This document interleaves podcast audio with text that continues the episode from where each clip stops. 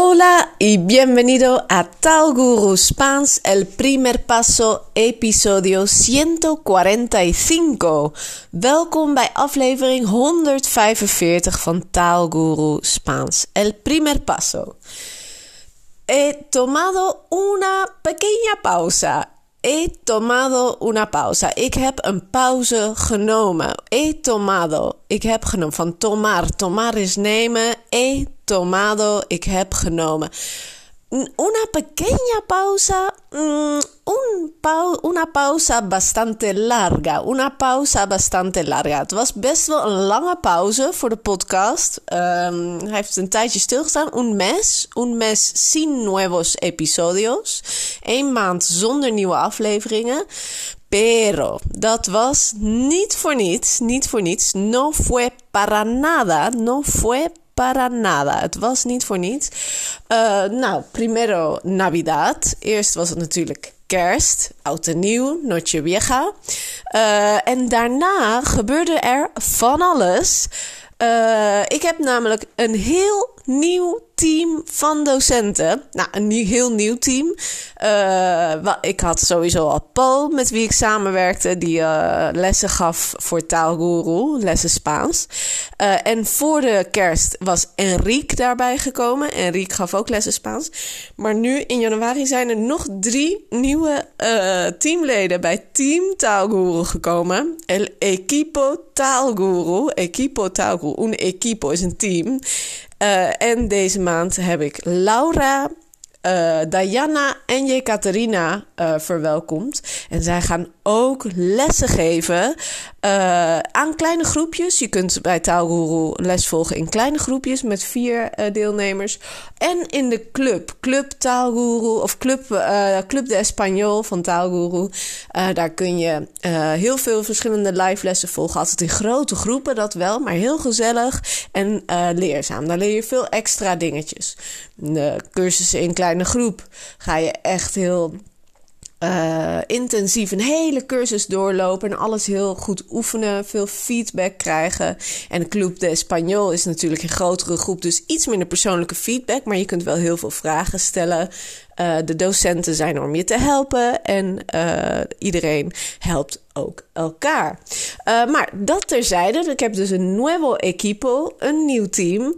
Uh, uh, bijna allemaal native speakers. Dus uh, native speakers of nativos. ze hebben Spaans als moedertaal of zijn met Spaans opgegroeid. En het leuke is, um, de Club de Español zijn ook een paar dingen veranderd. Ik heb een heel nieuwe omgeving uh, waar um, leden van de club met elkaar kunnen uitwisselen, dingen kunnen uitwisselen. Want vroeger had ik wel een, uh, als je bij de club zat, kon je ook in een besloten Facebookgroep. Maar ja, niet iedereen zit op Facebook, niet iedereen wil op Facebook. En nu heb ik daar gewoon een hele uh, aparte omgeving voor. Uh, die gewoon helemaal Club, de Español is. Uh, dus daar ben ik erg druk mee geweest. Om dat allemaal in goede banen te leiden. En we hadden ook een paar leuke evenementen in de Club de Español. De eerste week van het jaar zijn we gestart met allemaal opdrachten. Maar ja, goed. Nu uh, is het weer tijd voor de podcast. El podcast ha vuelto. El podcast ha vuelto. De podcast is weer terug. En uh, in deze aflevering, en este episodio, quiero volver a la base. Quiero volver a la base. Ik wil weer terugkeren naar de basis. Al principio. El principio. El inicio. Naar het begin. El principio. ¿Por qué? El primer paso, de podcast heet El primer paso, het heet de eerste stap. Es un podcast para principiantes. Het is een podcast voor beginners. Ik heb heel erg de wens om een andere podcast op te starten voor gevorderden, uh, zodat het hier niet meer zo door elkaar loopt. En ik wil de komende tijd afleveringen gaan maken die echt voor beginners heel fijn zijn. En in deze aflevering wil ik het hebben over twee uh, vraagwoorden: donde y cómo. Donde y cómo. En ik ben benieuwd als je luistert of jij misschien al weet of nog weet wat betekent donde. Het is een vraagwoord, donde. En wat betekent cómo? Cómo. Donde is waar en cómo is hoe. Nou, donde. Meestal, uh, als je begint met Spaans leren, leer je in een van de eerste lessen dat als je het hebt over donde, over waar iets is, dat je dan uh, van de twee werkwoorden die allebei zijn betekenen. Er zijn er twee. Je hebt ser en estar. Ser is zijn, estar is zijn. Dus uh, ik ben, kun je zeggen soy, dat is de vorm van ser, of estoy, de vorm van estar. Dus yo estoy aquí is ik ben hier. Yo estoy aquí. ¿Dónde estás? Waar ben je? ¿Dónde estás? Yo estoy aquí. Um, dus meestal naar het woordje donde, als het om plaatsbepaling gaat, gebruik je estar. Plaats is estar. Dat leer je in een van de eerste lessen. Dus niet yo soy aquí. Dat is ook ik ben hier, maar dat klopt niet, want soy gebruik je niet voor plaats. Er is alleen één uitzondering. We leren dus plaatsbepaling is estar. Donde está tu coche o tu carro. Coche is het, uh, is auto in Spanje, maar in Latijns-Amerika zeggen ze in plaats van coche carro. Als je met Duolingo Spaans leert, heb je waarschijnlijk ook het woord carro geleerd. Donde está tu carro is waar is je auto? El carro está aquí. De auto is hier. Donde está el supermercado? Waar is de supermarkt? Donde está el supermercado? Uh, nog eentje. Die, deze geef ik in het Nederlands. Kijken of jij hem in het Spaans weet. Waar is jouw huis? Waar is jouw huis? In het Spaans. ¿Dónde está tu casa? ¿Dónde está tu casa? Waar is de pen? Waar is de pen? Weet je deze in het Spaans? Waar is de pen? ¿Dónde está el bolígrafo, el bolígrafo of el boli. ¿Dónde está el boli? El boli está uh, op de tafel. Hoe zeg je op de tafel? El boli está en la mesa. El boli está en la mesa. Dus waar is de pen? ¿Dónde está el boli? O ¿dónde está el bolígrafo? Bolígrafo is letterlijk een balpen. Uh, de balpen is op de tafel. De balpen is op de tafel. El bolígrafo está en la mesa. Goed, nu gaan we naar die uitzondering. Want het is eigenlijk altijd estar als je het over hebt. Waar bevindt zich iets? Waar is de, de pen? Waar is je, je broer? Waar is de hond? Waar ben ik? Uh, waar zijn wij? Dan is het estar. Donde estamos? Maar als je vraagt, waar is het feestje? Waar is het feestje? Of waar is de bijeenkomst? Waar is de bijeenkomst? Of de vergadering? Dat is ook een ander woord voor bijeenkomst eigenlijk. Uh, waar is het evenement? Waar vindt het plaats? Waar vindt het plaats? Dan gebruik je niet estar, dan uh, gebruik je meestal ser. Dus waar is de fysieke locatie van iets? Waar bevindt zich iets? Dat is estar. Maar waar vindt iets plaats? Een evenement? Dan is het ser. Donde es la fiesta? Donde es la fiesta? Waar is het feestje? Dan gebruik je dus niet esta, maar es. Uh, of waar is de bijeenkomst, de vergadering, is donde es la reunión. Donde es la reunión. Una reunión, denk aan het woord, het Nederlandse woord reunie. Reunie, je komt bij elkaar. Bijeenkomst, reunie. Reunión, entonces, ¿dónde es la reunión of dónde es la fiesta? Dus dan is het niet estar. Waar bevindt zich iets? Estar. Waar vindt iets plaats? Uh, dan is het ser. En dat plaatsvinden, dat doet me natuurlijk denken aan lugar. Donde tiene lugar? Donde tiene lugar? Dat is waar heeft het plaats, letterlijk. Tener lugar een lugar is een plaats. En nu uh, heb ik uh, ook de afgelopen maand de serie Berlin uh, ontdekt. nou ja, ontdekt. Ik denk de meeste van ons konden er niet omheen. Als je Casa de Papel hebt gezien op Netflix. Dan heb je misschien ook gezien dat Berlin er nu is. Berlin speelt zich af voor alle gebeurtenissen van Casa de Papel. Hele populaire serie in Netflix. Dus misschien, waarschijnlijk heb je er wel eens van gehoord.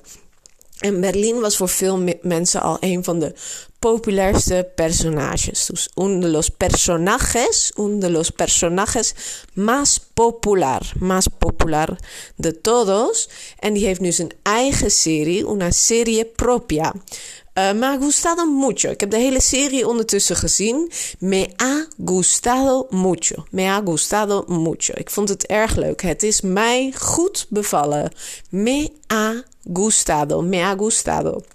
Uh, nou, sowieso, uh, un tipo carismático. Un tipo carismático. Berlin es un tipo carismático. Hij is charismatisch. Uh, hay una buena historia. Er is een goed verhaal met een intelligent plan. Un plan muy inteligente. Uh, ze gaan weer uh, iets beroven.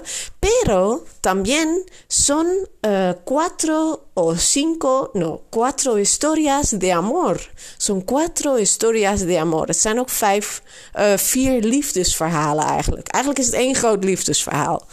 Um, dus je hoeft niet bang te zijn dat het heel erg uh, vol geweld en actie is.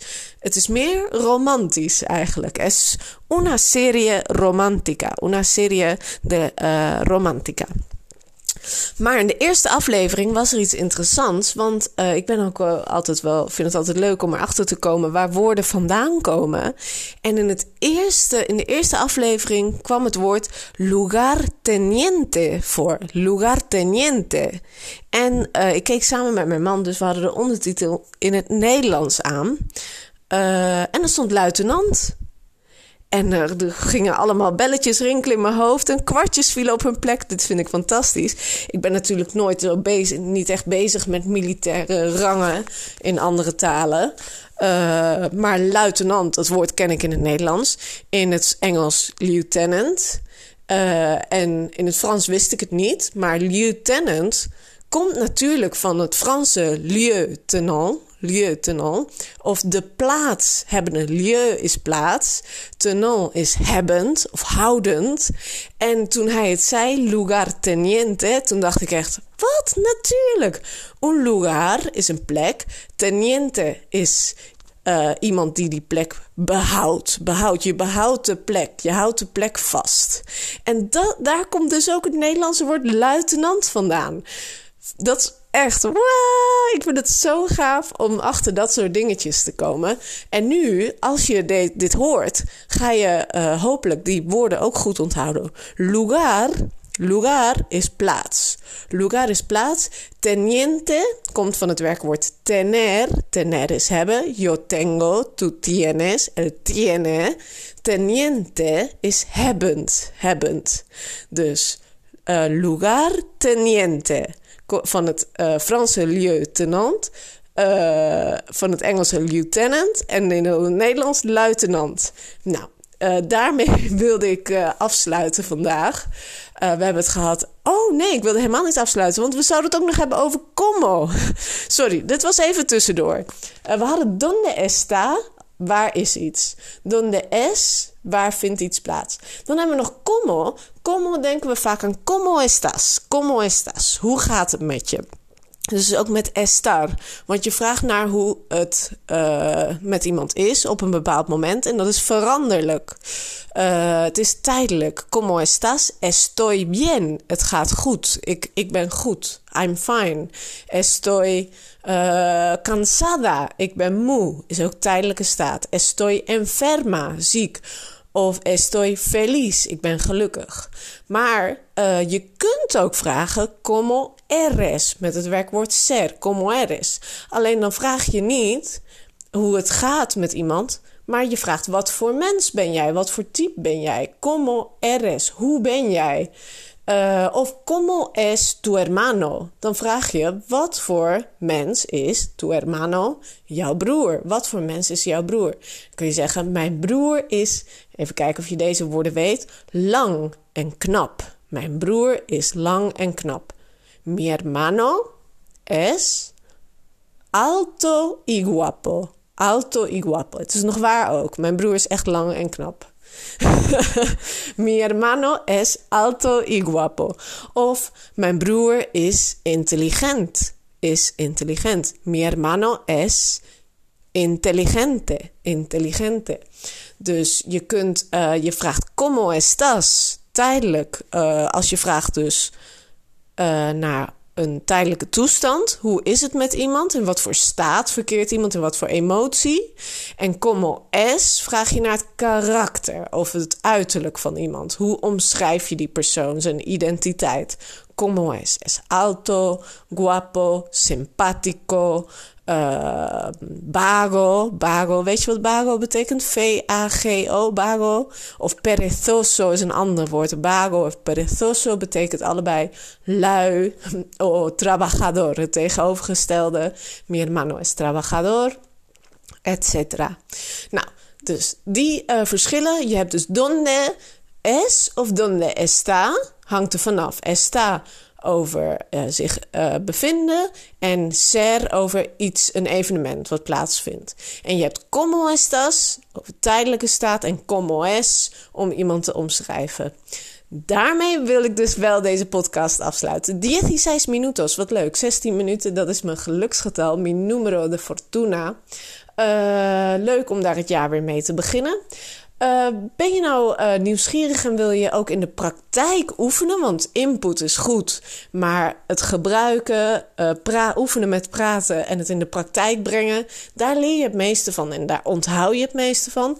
Kijk dan eens op taal.guru slash club of gewoon naar taal.guru. Ga naar de homepage en daar zie je, kun je ons hele aanbod vinden. En wie weet zie ik je dan binnenkort in een van de Taalguru cursussen. Muchas gracias por escuchar y hasta pronto.